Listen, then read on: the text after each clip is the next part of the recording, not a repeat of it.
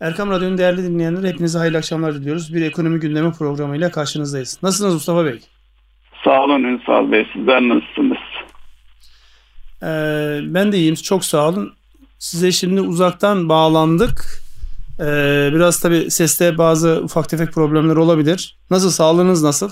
Ee, şimdi e, biraz e, nezle e, gibi bir şey var sabahtan beri. Onun için ihtiyaten karşılıklı stüdyoda değil uzaktan bağlanırsak daha güvenli olur diye düşündüm. Sağ olun. Allah razı olsun. Beni düşündünüz yani öyle mi?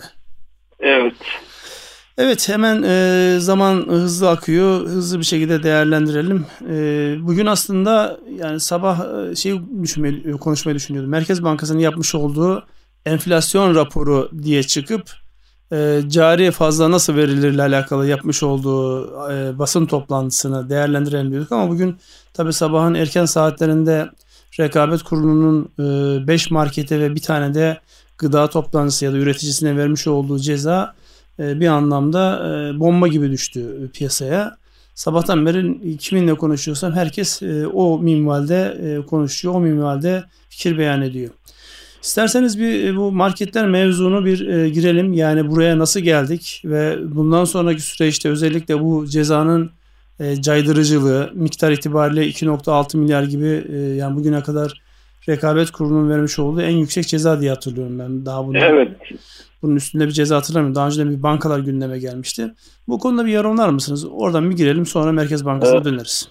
Bankalar bu kadar değildi Ünsal Bey. Şimdi marketleri özellikle organize marketleri hele discount indirimli marketleri doğru anlamak için bir konumlandırmaya ihtiyaç var diye düşünüyorum. Bu ülkemizde aşağı yukarı 25-30 e, yıldır market e, tarihi daha eski olmasına rağmen e, özellikle indirimli marketlerle birlikte bir organize market piyasası oluştu. Bu Batı ülkelerindeki örneklere baktığımız zaman orada %98'lere kadar varan ülkeler var. Yani %90 üzerinde diyebiliriz organize marketler ve diğerleri de %2 e, ile %10 e, arasında değişiyor. Bu şunu ifade ediyor.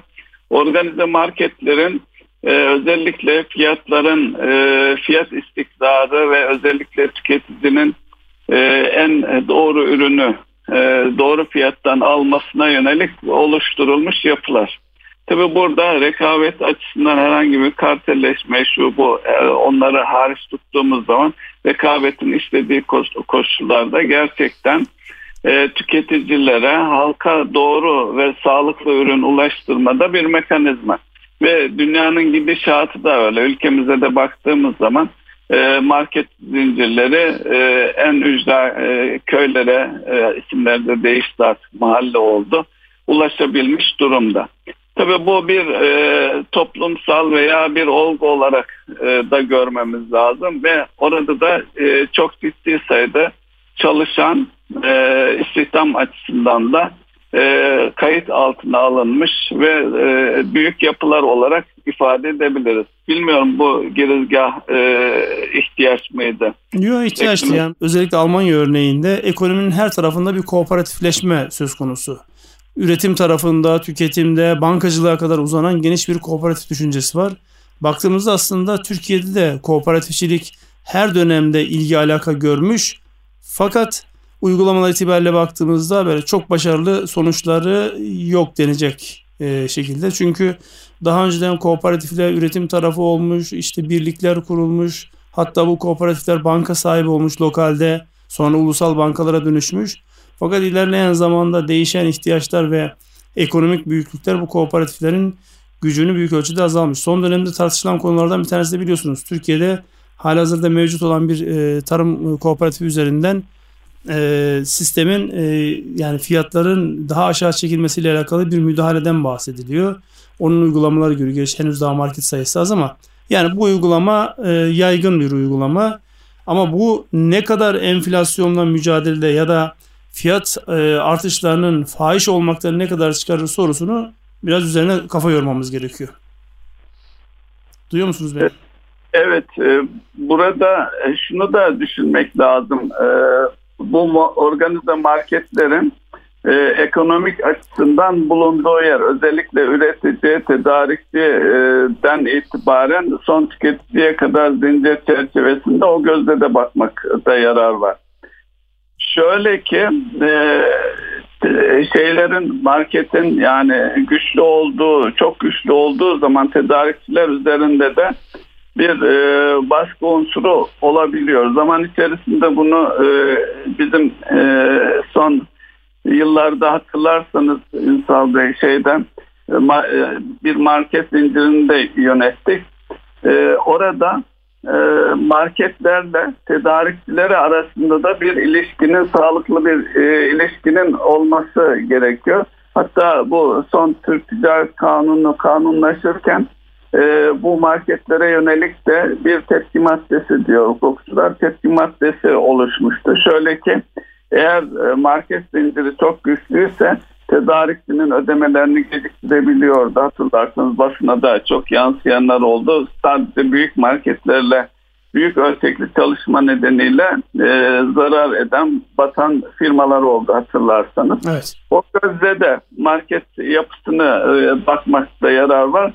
Şu an itibariyle e, piyasadaki şey e, yakın çevremizden de gördüğümüz bilmiyorum sizin ilave düşünceniz olur mu? Özellikle büyük marketlerin daha önceki e, bu sözünü ettiğim olumsuzlukları açtıkları yani e, bir e, şey vardı reklam vardı yıllar önce dürüst satıcı diye bir marketin tek taraflı değil hem alırken hem satarken dürüstlük de önemli. Artık tedarikçilere yönelik ödemeleri de yeterince disiplini altına aldıklarını görüyoruz. Büyük zincir marketlerle ilgili küçüklerde benzer sorunlar devam ediyor. Şimdi bu bir öğrenme süreci. Yani Türkiye'de özellikle organize piyasaların oluşması yani örnekleri 1950'lere 60'lara uzansa dahi gerçekte baktığımızda aslında 90'lı yıllarda biz e, büyük organize e, yapıları görüyoruz. Şimdi süreci başından itibaren değerlendirdiğimizde bu yapıların e, sağlamış olduğu avantajlar var. Nedir o avantajlar? Bir standartize etme. Bilmiyorum siz psikolojik olarak kendinizi nasıl hissedersiniz ama ben bir e, mağazaya ya da alışveriş yapacağım bir yere girdiğim zaman etiketleri görmediğim zaman rahatsız oluyorum. Mesela bununla alakalı yıllardır Türkiye'de e, tartışılan konudur. E, pazara gidersiniz sabah erken gittiğinizde hiçbir ürünün üzerinde etiketi yoktur. Sonra zabıtalar dolaşmaya başlar. Yavaş yavaş etiketler yazılmaya başlar. Ondan sonra e, gün içerisinde o etiketlerde bazı değişiklikler olabilir ürüne olan talebe göre ya da müşterinin geliş durumuna göre. Şimdi buradan organize olan ülkenin her tarafında e, aynı fiyattan olan bir e, yapıya geçiyoruz. Şimdi organize olması, standart olması iyi bir şey. Fakat şurada bir gerçek. İstanbul'daki yaşam standardıyla Anadolu'nun herhangi bir yerindeki yaşam standardının aynı olmadığını herkes bilir. Dolayısıyla özellikle bu zincirlerin şöyle bir e, şeyi oldu üreticiler açısından e, tek tipleştirdiler. Dolayısıyla tedarikçiyi tek tipleştirdiğiniz zaman bazı maliyetlerin e, tüketici lehine değil tüketicinin aleyhine gelişme ihtimali var tabii ki. Yani siz lokalden eğer peynir alıyorsanız işte doğuda, e, güneydoğuda ya da işte e, Çanakkale'de bir peynirin alacağınız fiyat belli. Onun araya aracılar girdiğinde oluşacak olan fiyat belli. Bunları yan yana koyduğumuzda tabii ki disiplin edilmesi gereken bir şey var ama bu öğrenilmesi e, öğrenilen bir süreç. Şimdi bizim en büyük problemimiz şu an bu öğrenme süreciyle alakalı olarak yaşadıklarımızı disipline etmek, buradan hem e, tedarikçi tarafını hem e, market hem de üreticiye yansıyan tarafını disipline ederek doğru kurallara bağlamamız icap eder. Bu son gelişme yani buna ne kadar hizmet etti ya da edecek sorusunun cevabını önümüzdeki dönemde göreceğiz. Bir de e, rekabet kurumunun yapmış olduğu bu ceza duyurusu henüz daha gerekçeleriyle birlikte duyurulmuş değil. Yani gerekçelerin açıklanması biraz zaman alacaktır. Çünkü daha biz bu konuyla alakalı hafta içerisinde marketlerden sözlü savunmanın alındığını ıı, okumuştuk. Hemen hafta sonu gelmeden yani cuma günü de e, cezanın çıkmış olması e, otomatik olarak şunu söylüyor. Gerekçeli kararı görmek lazım. Hangi gerekçelere dayandırıldı? Önemli bir e, dönemeç olacak bu. Türkiye'deki rekabet e, şartlarının belirlenmesi. Özellikle dünyada e, tedarik e, güvenliğinin, güvencesinin bu kadar tartışıldığı bir dönemde bunların konuşuluyor olması nasıl yansımalar olacağını önümüzdeki günlerde hep beraber göreceğiz diye düşünüyorum. Evet, gıda güvenliği açısından da önemli bir konu. Ee, Ünsal Bey değindiğiniz e, yani e, bu e, özellikle organize marketlerin bulundukları yani mağazaların bulunduğu yöreden belli bir e, şeyi e, e, şey oran belirlendi diye hatırlıyorum. Satın alma zorunluluğu var yani bu o bulunduğu yerden de alınması gerekir. Zaten fiiliyatta da özellikle raf ömrü kısa olan ürünler bu şekilde e, yerel marketlerden alınıyor. Tabi bu diğer unsur da bu marketlerin faydasını e, vurgulamak açısından e, hijyen ve gıda kalitesi özellikle ürün kalitesi açısından da oldukça önemli roller oynuyorlar. Çünkü e, bir küçük marketin herhangi bir laboratuvarı şunu bunu olması çok lüks, lüks kaçar mümkün de değil. Ama büyük yapılar olduğu zaman e, mekanizmalar özellikle caydırıcılık ve gıda kontrolü açısından oldukça önemli. Böyle de bir fonksiyon izah ettiklerini vurgulamamız gerekir. Burada e, şuna e, belki bir açıklık getirmekte fayda var. Özellikle e, lokalden tedarik yapma konusunda bu büyük zincirlerin ortaya koymuş olduğu standartları lokalde sağlamak çok kolay değil. Hatırlarsanız bizim de içinde bulunduğumuz bir yumurta üreticisi yani Türkiye'nin en modern tesisiydi. Zincir marketlerle tedarik konusunda görüştüğümüzde kendi ellerindeki checkliste e, işte binanın yapılmasıyla alakalı bir konunun yani çok önemli olan bir konu değil aslında. Çok önemsiz bir konu ama checkliste olan bir konu günlük 1 milyon yumurta üreten o tesisin zincir marketlere yumurta vermesinin önüne engel olarak konmuştu hatırlarsanız. Dolayısıyla evet. yani standartları yüksek olan, haklı olarak standartları yüksek olan ve belli bir e, inisiyatifi kullanmamak üzerine kurgulu bu yapılarda lokalden bu marketlerin ihtiyacı olan ürünleri tedarik etmek o kadar kolay olmaz diye düşünüyorum. Yani bu konuda e, biz öğrenme sürecine ihtiyaç var. Belki bazı şeyleri göz ardı ederek ya da e, o öğrenme sürecini tamamlayacak şekilde karşılıklı süreler verilebilir diye düşünüyorum. Ben bunu e, yani e, temel itibariyle şöyle ele almak istiyorum. Zaten o, o şekilde yaklaşırsak herhalde birbirimize faydamız olur. Bunu birilerini cezalandırmak, birilerini ödüllendirmek, o olsun demek anlamında değil. Bir öğrenme sürecinin e, adımı olarak görmemiz lazım. Burada tabii kamu adına bu denetimlerin yapılması, oradaki insanların ticareti ne kadar biliyor olmaları, ticari şartların neresine bakıyor olmaları gibi konular da dahil olmak üzere ben bunu bir öğrenme süreci olarak e, değerlendirmek istiyorum. Tabii bu öğrenme sürecinin bedeli e, sağlayacağı faydadan yüksek olmamalı. Çünkü burada şöyle bir şey var. Siz ön tarafta bir zincire cezalandırdığınız zaman aslında yani üreticileri e, tamamını neredeyse aynı şeye sokmuş oluyorsunuz. Kaldı ki o e, sizinle de paylaşmış olduğum listeye baktığınızda çok uzun bir liste var orada. Yani bundan sonraki süreçte ya bu çerçevede değerlendirilecek çok sayıda firmanın olabileceğini de çok net bir şekilde görmüş durumdayız. Bu bir başlangıç diyorum ben. Ee, Ünsal Bey burada e, e, tüm dünyada da özellikle Batı ülkelerinde de bizde daha keza yaşadığımız bir olgu var.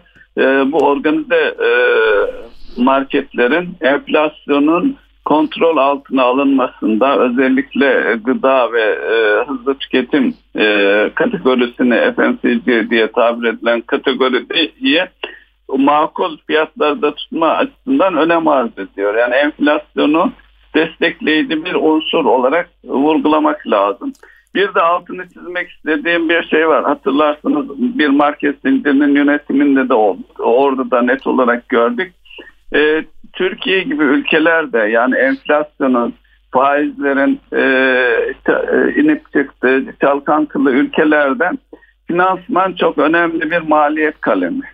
Dolayısıyla market zincirlerine baktığımız zaman net, e, neticede e, şeyin rekabetin bir unsuru da finans. Eğer finansı güçlü olan marketle olmayan market açısından bakıldığı zaman yani öz kaynaklarıyla çalışan marketler e, tüketiciye daha makul, daha uygun seviyede ürünler sunabiliyor. Bu da bu marketleri değerlendirirken belki göz önüne almamız gereken unsurlardan bir tanesi diye düşünüyorum. Bilmiyorum siz katılır mısınız? Şimdi burada bizim tabii enflasyonla ilişkilendirilerek konuşulduğu için bu başlık e, şu bir gerçek yıllarca yani onun doğruluğuna bütün kalbimle de inanıyorum. Organize piyasalar her zaman organize olmayan standarda olmayan piyasalara göre daha e, anlamlıdır. Özellikle modern toplumuna baktığımızda. Çünkü özellikle bu Covid süreci de bunu bize gösterdi. Organize olan yapılarda planlama yapmak, e, varsa bir problem onu çözmekle alakalı nasıl hareket edeceğinizi bilmek önemli bir e, unsur olduğunu biz o dönemde gördük ve sürekli de biliyoruz. Ve organize yapıların özellikle e, yani kayıtlı olması, devletin vergi planlaması açısından, çalışan insan sayısı açısından, o insanların sosyal güvenliklerinin takip açısından çok önemli rolleri var. Bunların yanında eğer yani e, üretici tarafıyla açıklanamayan, maliyet tarafıyla açıklanamayan bir fiyat yansıtması varsa tabii ki bunlar da görülecektir. En kolay görülecek yer de burasıdır zaten. Yani sizin şimdi kayıt altında olmayan bir yapıda maliyetlerin nerede oluştuğunu, insanlara kaça satıldığını, onların ispatlamanız, belgelemeniz zordur. Dolayısıyla kayıtlı yapıların, bunu daha önce de çalıştığımız bankacılık sektörü için de geçerli. O yapıları disipline etmek e, nispeten diğer yapılardan daha kolaydır. Ama burada ölçüyü çok iyi noktaya koymak gerekir. Çünkü ifa ettiği çok büyük bir fonksiyon var. Bu fonksiyonu da göz ardı etmeksizin diyorum. Ve bu marketler mevzunu gerekçeli kararları bekleyinceye kadar biraz da piyasanın bu anlamda tepkilerini göreceğiz. Ama şu bir gerçek e, buradaki dört tanesi halka açık. Pazartesi gün herhalde herkes o e, şeylerin hisse senetlerinin, o şirketlerin hisse senetlerinin ne tarafa doğru evrileceği ile alakalı çok merakla bakacaklar. Ve de önümüzdeki günlerde e, bu cezalandırma mekanizmasının bu marketlerin işlerine nasıl yansıyacağı, bunların tedarikçilerine nasıl yansıyacağını hep beraber izleyeceğimiz öğrenme süreci çok kuvvetli olan bir döneme giriyoruz diyorum. Şimdi ee, kapatmadan Bey ben bir iki şey daha eklemek isterim e, bu konuyla ilgili. Ben de şeylere baktım e, finansallarına 6. ay itibariyle halka açık olanların biri zararda diğerlerinin de karı neredeyse e, cezaya gitmiş durumda. Bu arada önemli bir konu da Ünsal Bey e, private label tabir edilen özel markalar.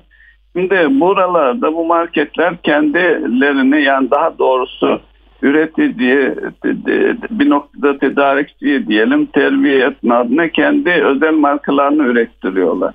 Burada da bir dengeye ihtiyaç var. Çünkü piyasada gerçekten o ürünü üreten ve sadece o marketlere değil tüm e, ülke veya ihracatta düşünürsek kendi markasıyla satanlar var, e, üretenler var. Dolayısıyla özel markalarla rekabette onlar gerçekten zorlanıyorlar. Yani orada da bir oransal bir e, düzenlemeye ihtiyaç var diye düşünüyorum. Bilmiyorum siz katılır mısınız? Ona katılıyorum yani beraber e, çalıştığımız bir ortamda makarna sektöründe hiç üretim tesisi olmayan bir markanın e, bütün üreticilerden daha büyük bir paya sahip olduğunu hep beraber görmüştük.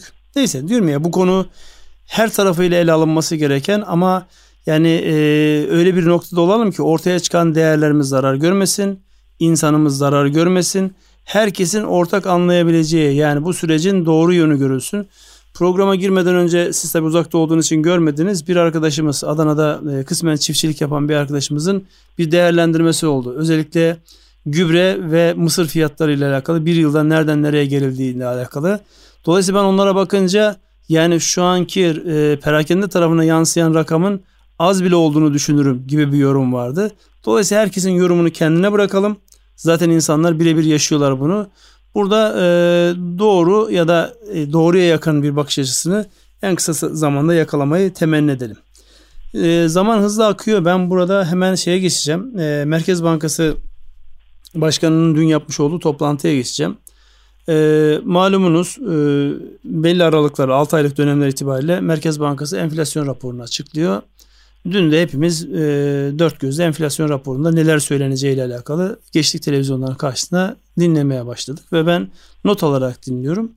Şimdi e, merkez bankalarının birinci vazifesi fiyat istikrarının sağlanması. Yani az önce marketlerle alakalı konuştuğumuz konu da aslında fiyat istikrarının sağlanması ile alakalı bir şey. Fiyat. Fiyatların e, özellikle son kullanıcıya yansıma biçimi insanların refah seviyesini etkiledikleri için, gelir dağılımını etkilediği için enflasyon dediğimiz, fiyat istikrarı dediğimiz hadise fevkalade önemli. Dolayısıyla toplantının adı da e, enflasyon raporu ya da fiyat istikrar raporu ile alakalı Merkez Bankası'nın bu konudaki en otorite olan e, makamın e, görüşleri olunca pür dikkat dinledik. Fakat orada e, şunu gördüm. Bilmiyorum sizin e, yorumlarınız nasıl olacak orada. Öncelikli olarak Merkez Bankası Başkanı e, yıl sonu enflasyon hedeflemesi ile alakalı daha önceden belirlenen e, 14 %14'lük gibi bir rakamın %18.4 gibi bir seviyeye çıkarıldığını ki yani şu an baktığınızda enflasyon özellikle manşet enflasyon 19.50'ler seviyesinde.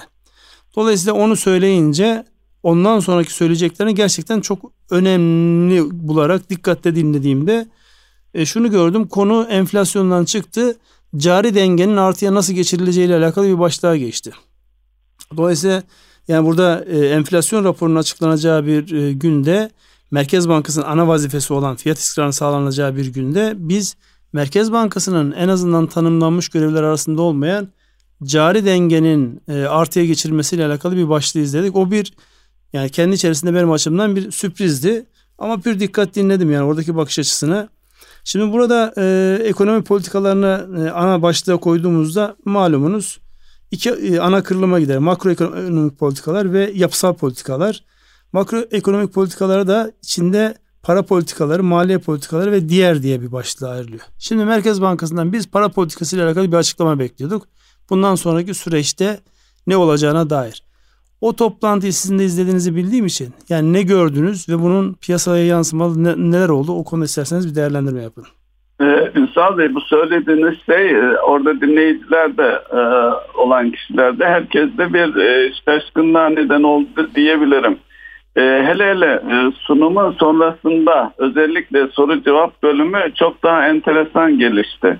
Yani e, sanki enflasyon ve kur e, gündemden çıkıp sadece e, cari dengeye odaklanılan bir sürece mi giriyoruz? Yani cari dengeyi sağladığımız takdirde enflasyonun da kurun da kendiliğinden sanki hale yola gireceği gibi bir e, algı oluştu ve başkan da e, her soruya bu e, yani e, şeyle ilgili e, para politikasıyla ilgili e, her soruya e, bir yolla cari dengeye taşıyarak oradan cevap vermeyi tercih etti. Dolayısıyla e, böyle bir yapı içerisinde e, enflasyon öngörü, öngörüsünde de e, bir artış oldu. 18,4 biliyorsunuz. Gelecek yılı da 11,8 sanıyorum 2 puan üzerinde bir artışa tekabül ediyor. Bakıldığında yani Merkez Bankası fonksiyon olarak cari dengeyi nasıl e, sağlamaya yönelik hangi adımları atabilire geldi konu. Bilmiyorum oraya gidelim mi? Çünkü orada e, özellikle Merkez Bankası kaynakları ve Exim Bank üzerinden sanki e, reskont kredileri ve özellikle ihracat e, destekleyecek bir yapıyla orada sanki bir büyüme hedefleniyor. E, bu söylendi gerçi de öyle bir e, yol haritası veya öyle bir stratejiyi ben anladım kendi adıma. Aslında o, o söylediğinize gireceğiz. Çünkü enflasyonla alakalı çok fazla bir şey söylenmedi. Yani sunumun sonrasında özellikle soru cevap kısmı çok önemliydi. Ee, oradaki Merkez Bankası Başkanı'nın e, beden dili ve kullandığı cümleler, nereye yaptığı vurgular bunlar hepimizin dikkatini çeken başlıktı. Soruyu soranlar da bu anlamda baya bir e, yani hani bilenmiş bir vaziyette sorular soruldu. Çünkü çok böyle e, seçilmiş sorular geldi orada.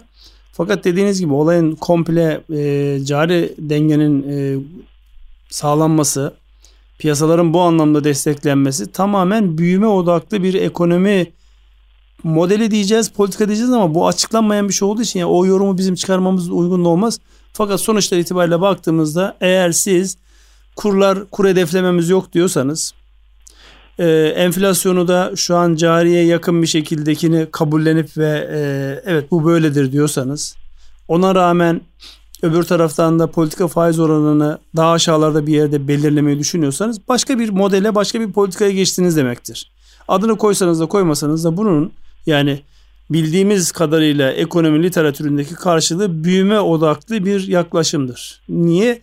Çünkü piyasayı bu anlamda destekleyecek özellikle üretim vurgusu çok yapıldı farkındaysanız. Yani evet. cari dengenin işte turizm gelirleriyle ya da başka şeylerle sağlanmasından bahsedilmiyor. Üretim odaklı bir yapı, onu destekleyecek bir reeskont kredi sistemi, bankacılık sistemini bu anlamda desteklemek, yanında yer almak, paydaşlarla yani Tarım Bakanlığı'yla, Rekabet Kurumu'yla ve diğer yapılarla konuşarak üretimin geliştirilmesi, canlandırılması noktasında bir odak var orada. Dolayısıyla onun söylemiş olduğu şey de artık şu aşamada Merkez Bankası'nın enflasyonu düşürmek için ya da fiyat istikrarını sağlamak için ne yaptığını, hangi politikayı uygulayacağını konuşmanın çok fazla bir anlamı yok. Çünkü kendisi de onu konuşmadı.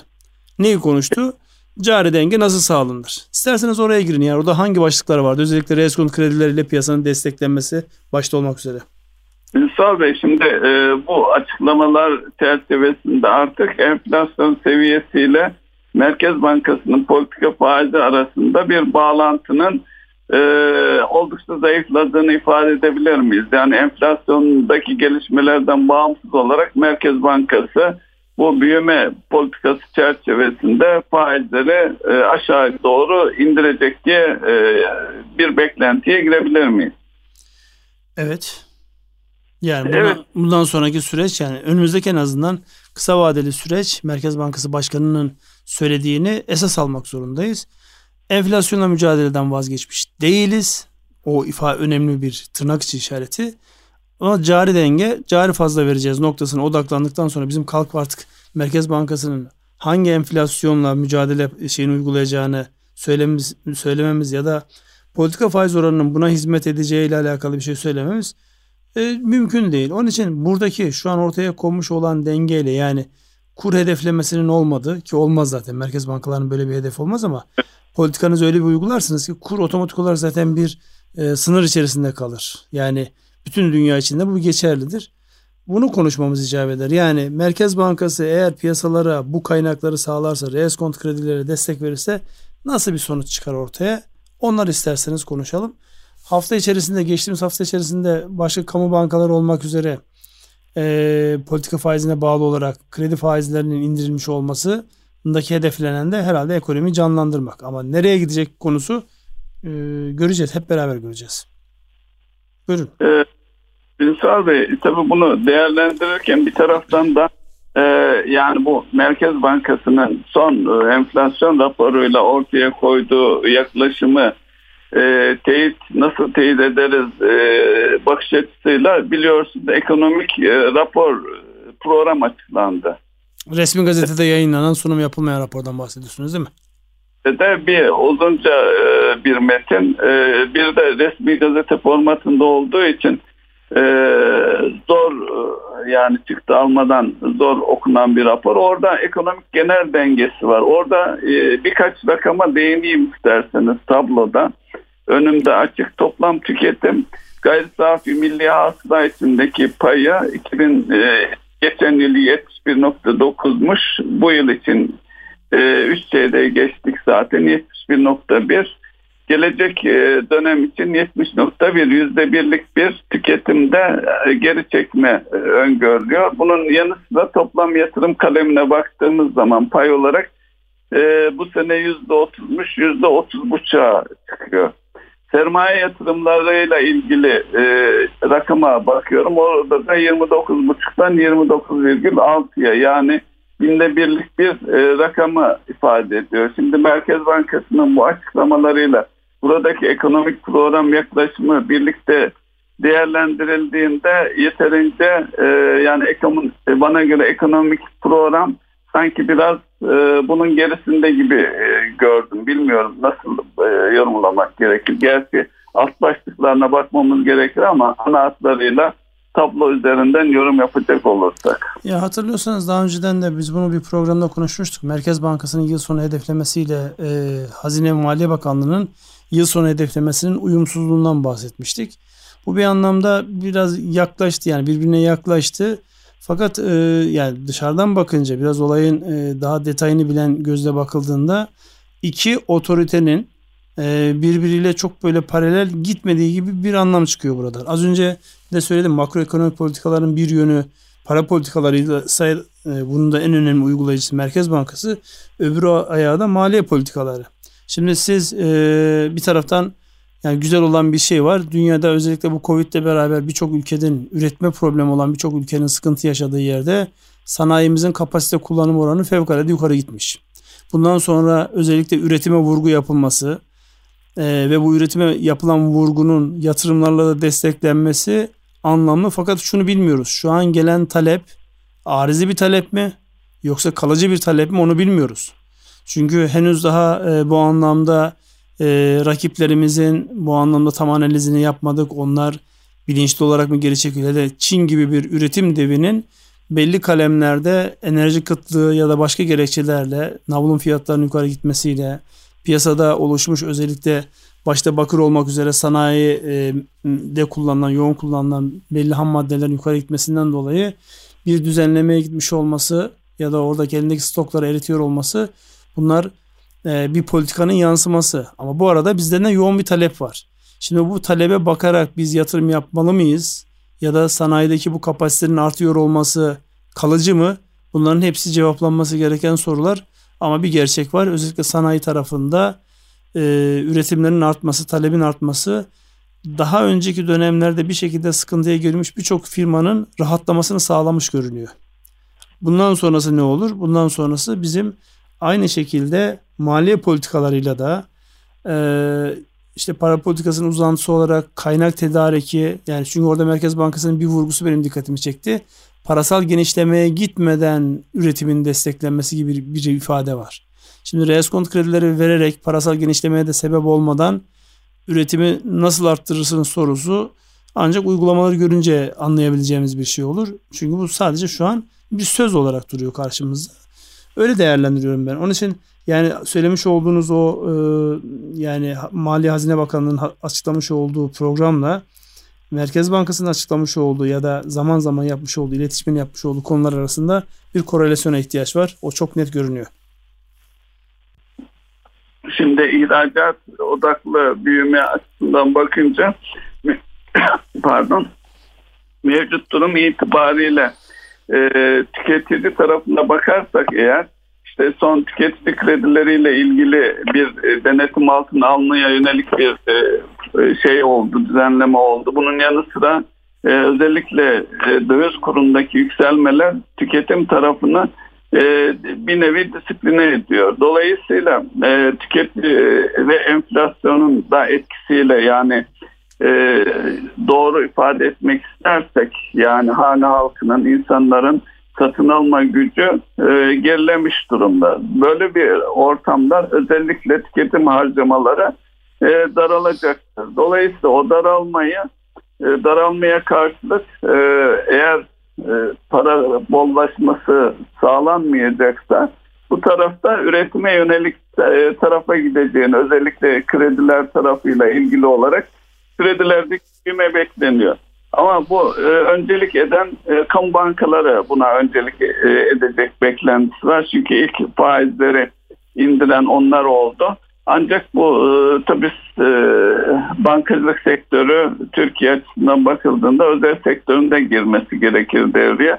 Tabii daha önceki geçen yıl yaşadığımız süreçte özellikle krediler, kredi seviyeleri üzerinden bir takım kredi vermeyi teşvik eden uygulamalar da e, yaşandı hatırlarsanız. Belki de öyle bir sürece gidilecek diye düşünüyorum. Ama genel olarak enflasyonun toplum üzerindeki etkisini asgariye çekebilmek için özellikle asgari ücret ve şu yılbaşı yaklaşıyor. Yılbaşında işte özel sektörde, kamu sektöründe ciddi ücret artışlarının bir elzem olduğunu da vurgulamamız gerekir. Çünkü orada da çok büyük sıkıntıları gözlemleyebiliyoruz. Dediğiniz kesinlikle doğru. Özellikle bu harcama sepetinin e, yani fiyatların yukarı gidiyor olmasından dolayı insanların aynı ürünleri daha büyük paralarla almak zorunda olması netice itibariyle insanların e, gelirlerini ya da borçlanarak e, günlük ihtiyaçlarına karşılanmalarına sebep oluyor ya da mevcut eritiyorlar. Ve e, gelir dağılımı noktasında Yani en korkulan şey bir toplum içerisindeki uçların birbirinden uzaklaşması, orta e, kademenin yani eskiden rahmetli Ozan'ın ifadesiyle orta direğin yassılaşması, direğin kalmıyor olması en büyük tehdittir. Bunu telafi etmek noktasında şu anki tabii kulislere sızan e, şeylerden bahsediyoruz. Burada e, kulislere ne sızdı? İşte yıl sonu itibariyle yapılacak olan e, iyileştirmeler, ücret iyileştirmeleri, emeklilere yönelik iyileştirmelerin ve başka şeylerin ki bütçe aslında bu anlamda önemli bir gösterge. E, onların e, üst seviyede olacağını ve e, gelecek dönemlerde yani seçim atmosferi var mı yok mu konuya girmek istemiyorum çünkü bu bambaşka bir başlık. Orayı da düşünerek e, özellikle e, geniş kitlelerin pozitif etkileneceği e, adımlar atılacağına dair kulislerde konuşulan şeyler var. Onları şu an bilebilme şansımız çok fazla değil. Ama e, gördüğümüz şu insanlar cebine dokunduğunuz zaman e, tercihleri farklılaşabiliyor. Dolayısıyla siyaseti bilen insanların da bunu görüp ona göre adımlar atacağı da gün gibi ortada aşikar olan bir konu. İsterseniz buradan zamanımıza daralıyor. Başka bir başlığa geçelim. Ee, o başlıklardan bir tanesi özellikle işte bu döviz kurundaki hareketlenmeden dolayı ki Merkez Bankası Başkanı konuşmadan önce 9.50'lerin altındaydı. Konuşmaya başladıktan sonra 9.62'leri 3'leri gördü. Bugün de yine 9.50 ile 60 arasında hareketlerini piyasaların kapalı olduğu bir gün itibariyle baktığımızda bir ara 61'lerin üzerine çıktı. Ee, yani dolayısıyla burada hareketli bir günler yaşıyoruz. Bunun tabi ekonomiye ve iş yapan insanlara yansımaları e, çok farklı olacaktır. Ama Merkez Bankası Başkanı'nın e, kur hedeflememiz yok. Dolayısıyla temel şeyimiz ihracata dayalı büyüme dediğinde kurun yani sanki buralara e, demirleyeceği, yani çok aşağılara gelmeyeceği ile alakalı bir yorum yapmak herhalde zor olmasa gerekir diyorum. Bu arada altın fiyatları ile alakalı dünyadaki farklı gelişmeler var. Petrol fiyatları ve altın fiyatları ile alakalı malumunuz petrol işte 86-87 dolarları gördü. Şu an 84 dolarda. Altın e, 1810 doları gördü onsu. Şu an biraz onun altında. E, buralarda ne oluyor? Dünyada genel anlamda ne, ne oluyor sorusunun cevabına bir iki e, cümleyle dokunalım. Ondan sonra e, devam edelim isterseniz. Buyurun. Öyle e, bu ilk şeyde döviz kuruyla ilgili konu konuşulurken e, ihracatı e, konuştuk. Dış ticaret istatistikleri yayınlandı. E, bu durumda e, istatistiklere göre Eylül ayı istatistiği ihracatta yüzde otuz e, ithalatta %11,9'luk bir artış var. E, dolayısıyla ithalatın ihracatı karşılama oranında e, iyileşmeler var. Bunun devam edeceği de bekleniyor. Kurlardaki yani e, gelişme açısından yani cari dengenin sağlanmış olması da e, sağlandığı bir süreci düşünürsek orada e, döviz kurunun daha makul en azından bir istikrara kavuşacağını da söz edebiliriz. Ünsal Bey bu altın fiyatları, petrol bunları tüm dünyadan bağımsız değerlendiremeyiz. O açıdan özellikle Fed'in e, duruşu ve orada alınacak kararlar açısından bakarsak e, sanki ne dersiniz altının tekrar yükselme gibi bir e, kulvarı var mı? bugün e, şeylere bakarken e, artık bizim ekonomi e, gazeteciliği de mizah tarafını giderek güçlendiriyor. Özellikle bu Fed Başkanı Powell'ın yaptığı açıklamalardan bir önceki açıklamada yaklaşık 30-35 dolar düşmüştü ya e, altın. E, evet. Bugünlerdeki yapacağı konuşmada da benzer bir aşağı yönlü bir hareket olabilir düşüncesiyle e, şöyle bir başlık atmışlardı. Powell altının duygularıyla oynuyor diye. Dolayısıyla e, her yapılan açıklamanın bütün emtia üzerinde, bütün makro büyüklükler ve yatırım araçları üzerinde çok ciddi e, etkisi var. Biz de sürekli buradan söylüyoruz. Merkez Bankası başkanlarının sözü e, oldukça güçlü. Sadece sözlü müdahalelerle bile yani dünyanın e, temel yatırım araçlarından bir tanesi olan altının fiyatını e, çok ciddi bir şekilde %2'ler 3'ler seviyesinde aşağı çekebiliyor. Bugünlerde altınla alakalı yine Powell ne konuşacak diye bekleniyor. Diğer petrol açısından baktığımızda da petrolde önümüzdeki dönemde e, bir yukarı doğru hareketlenmenin olacağı. Dolayısıyla bu yukarı hareketlenmenin yani 100 dolarlar seviyesi konuşuluyor. Yani bizim gibi ekonomiler açısından felaket yani eskiden e, gidip deponuzu doldurduğunuzda işte ortalama bir depo eğer 300 liraya doluyorsa şimdi 400 liraya doluyor. Yani bu otomatik olarak yansıyor fiyatlarınıza. Dolayısıyla bunun e, üretmeyi hedefleyen e, ve üretimle büyümeyi, üretimle ihracatı e, büyütmeye çalışan, dolayısıyla ekonomiyi büyütmeye çalışan bir ekonomide ki yansımaları da herhalde kağıt üzerinde görüldüğü kadar kolay olmayacak diye düşünüyorum. Onun için Merkez Bankası'nın da memleketimizin de bu anlamda işi zor, kolay değil. Onu söylemek lazım. Ama bir şekilde de e, işler yürüyor. Yürüyecek de. Onunla e, görmek icap eder ama petrol fiyatlarında yukarı giderse bizim özellikle girdiden kaynaklanan maliyetlerimiz ve enflasyonumuz daha yukarı gidecektir. O da bir gerçek. Ee, konuşmasında Merkez Bankası Başkanı e, bu yıl ve gelecek yıl için e, sanıyorum doğru hatırlıyorsam 71 dolar seviyesinde bir öngörüsü yani e, yaptıkları tarihsel gelişim ve grafik çalışmalarının sonucu olarak böyle bir e, öngörüsü var. Tabii şu anda ki fiyat da bunu teyit etmiyor. Tabii o Merkez Bankası Başkanı'nın öngörüsü e, aradaki dalgalanmaları tolere ederek ulaştığı bir rakam olabilir. Ama dediğiniz gibi eğer e, rakam şeyler yükselirse petrol fiyatları bizi olumsuz etkileyecek.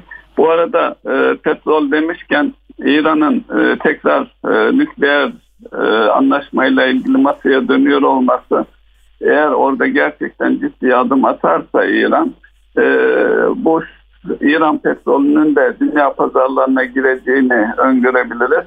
Son şeyde de zaten az e, kaynaklı sıkıntı yani OPEC ve artı ülkelerin e, şeyde e, üretim miktarını artırmakta isteksizliği de belirleyici rol oynamıştı. Belki topluca bakılabilirse bir temenni olarak petrol fiyatlarının artmamasını dileyelim. Ha, temennilerle yapacağız bir şey öyle mi? Neyse.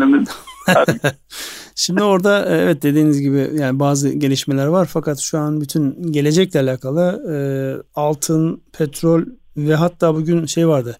Gümüş ölü bir yatırım olmaktan çıkıyor diye bir başlık görmüştüm haberlerde. Dolayısıyla bunları yan yana koyduğumuzda e, önümüzdeki günler e, yani dünyadaki gelişmelere bağlı olarak değişiklik arz edecektir ama bunların hepsi bizi e, ihracat da yapsak maliyet açısından baktığımızda etkileyecek başlıklardan bir tanesi. Notlarımda şöyle bir şey var. Yani bugünlerde biz aslında e, şey görüyoruz. Yabancıların e, hem devlet borçlanmasından çıktığı hem hisse senetlerinden çıktığı bir iki gündür özellikle banka hisselerine yönelik bir ilginin bir geri dönüşün olduğundan bahsediliyor. Yani banka hisselerinde bir alış başlamış. Belki bu genelle yayılabilir. borsanın özellikle yukarıya doğru gidiyor olması yani döviz yeterince arttı. Buradan bozup borsadaki Türk lirası varlıklar alınabilir şeklinde bir başlık var. Onu da bir not olarak düşelim. Fakat ben Merkez Bankası'nın işte bu süreçte 40 milyar dolarlık satışı olduğu ifadesini e, döviz tevdiat hesaplarının miktarına baktığımda görmedim. Yani siz onu e, yakalayabildiniz mi? Yani 40 milyar dolarlık kim satış ben, yapmış, nereden satış yapmışı ben göremedim açıkçası. Başkanın e, faizden arındırılmış gibi bir cümlesi vardı.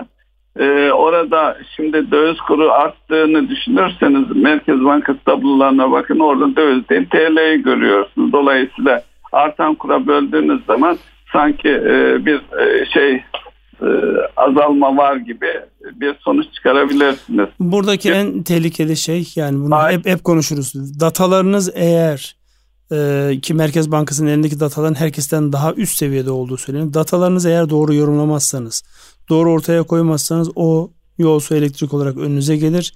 İnşallah böyle bir şey, böyle bir yanılgıya düşmezler diye temenni ederim. Çünkü çok önemli. Ülkenin he, tamamı etkilenecektir bunlar. Ee, en önemli şey Merkez Bankası'nın inandırıcılığı. Ee, daha doğrusu sadece Merkez Bankası'yla sınırlandırmayalım. E, kamu otoritesinin özellikle herkesin inandırıcılığı e, diğer bir ifadeyle güven en önemli unsur. Ona da fazlasıyla ihtiyacımız var. İnşallah o yakın zamanda tesis edilir. Şimdi süremiz doldu. Yani içeriden işaret geliyor artık daha fazla uzatmayın bitirin bu e, programı diye işaretler geldi. Son söylemek istediğiniz ya da e, eksik bıraktığımızı düşündüğünüz bir şey varsa onu alalım. Sizi bugün uzaktan dahil ettik programa. E, uzaktan olmak daha mı iyi bilmiyorum. Oturduğunuz yerde evinizden şey yapıyorsunuz. Buyurunuz. Evet. Bilmiyorum e, daha mı iyi ama e, böyle bir imkan olduğu için teşekkür edeyim ben en azından. Evet.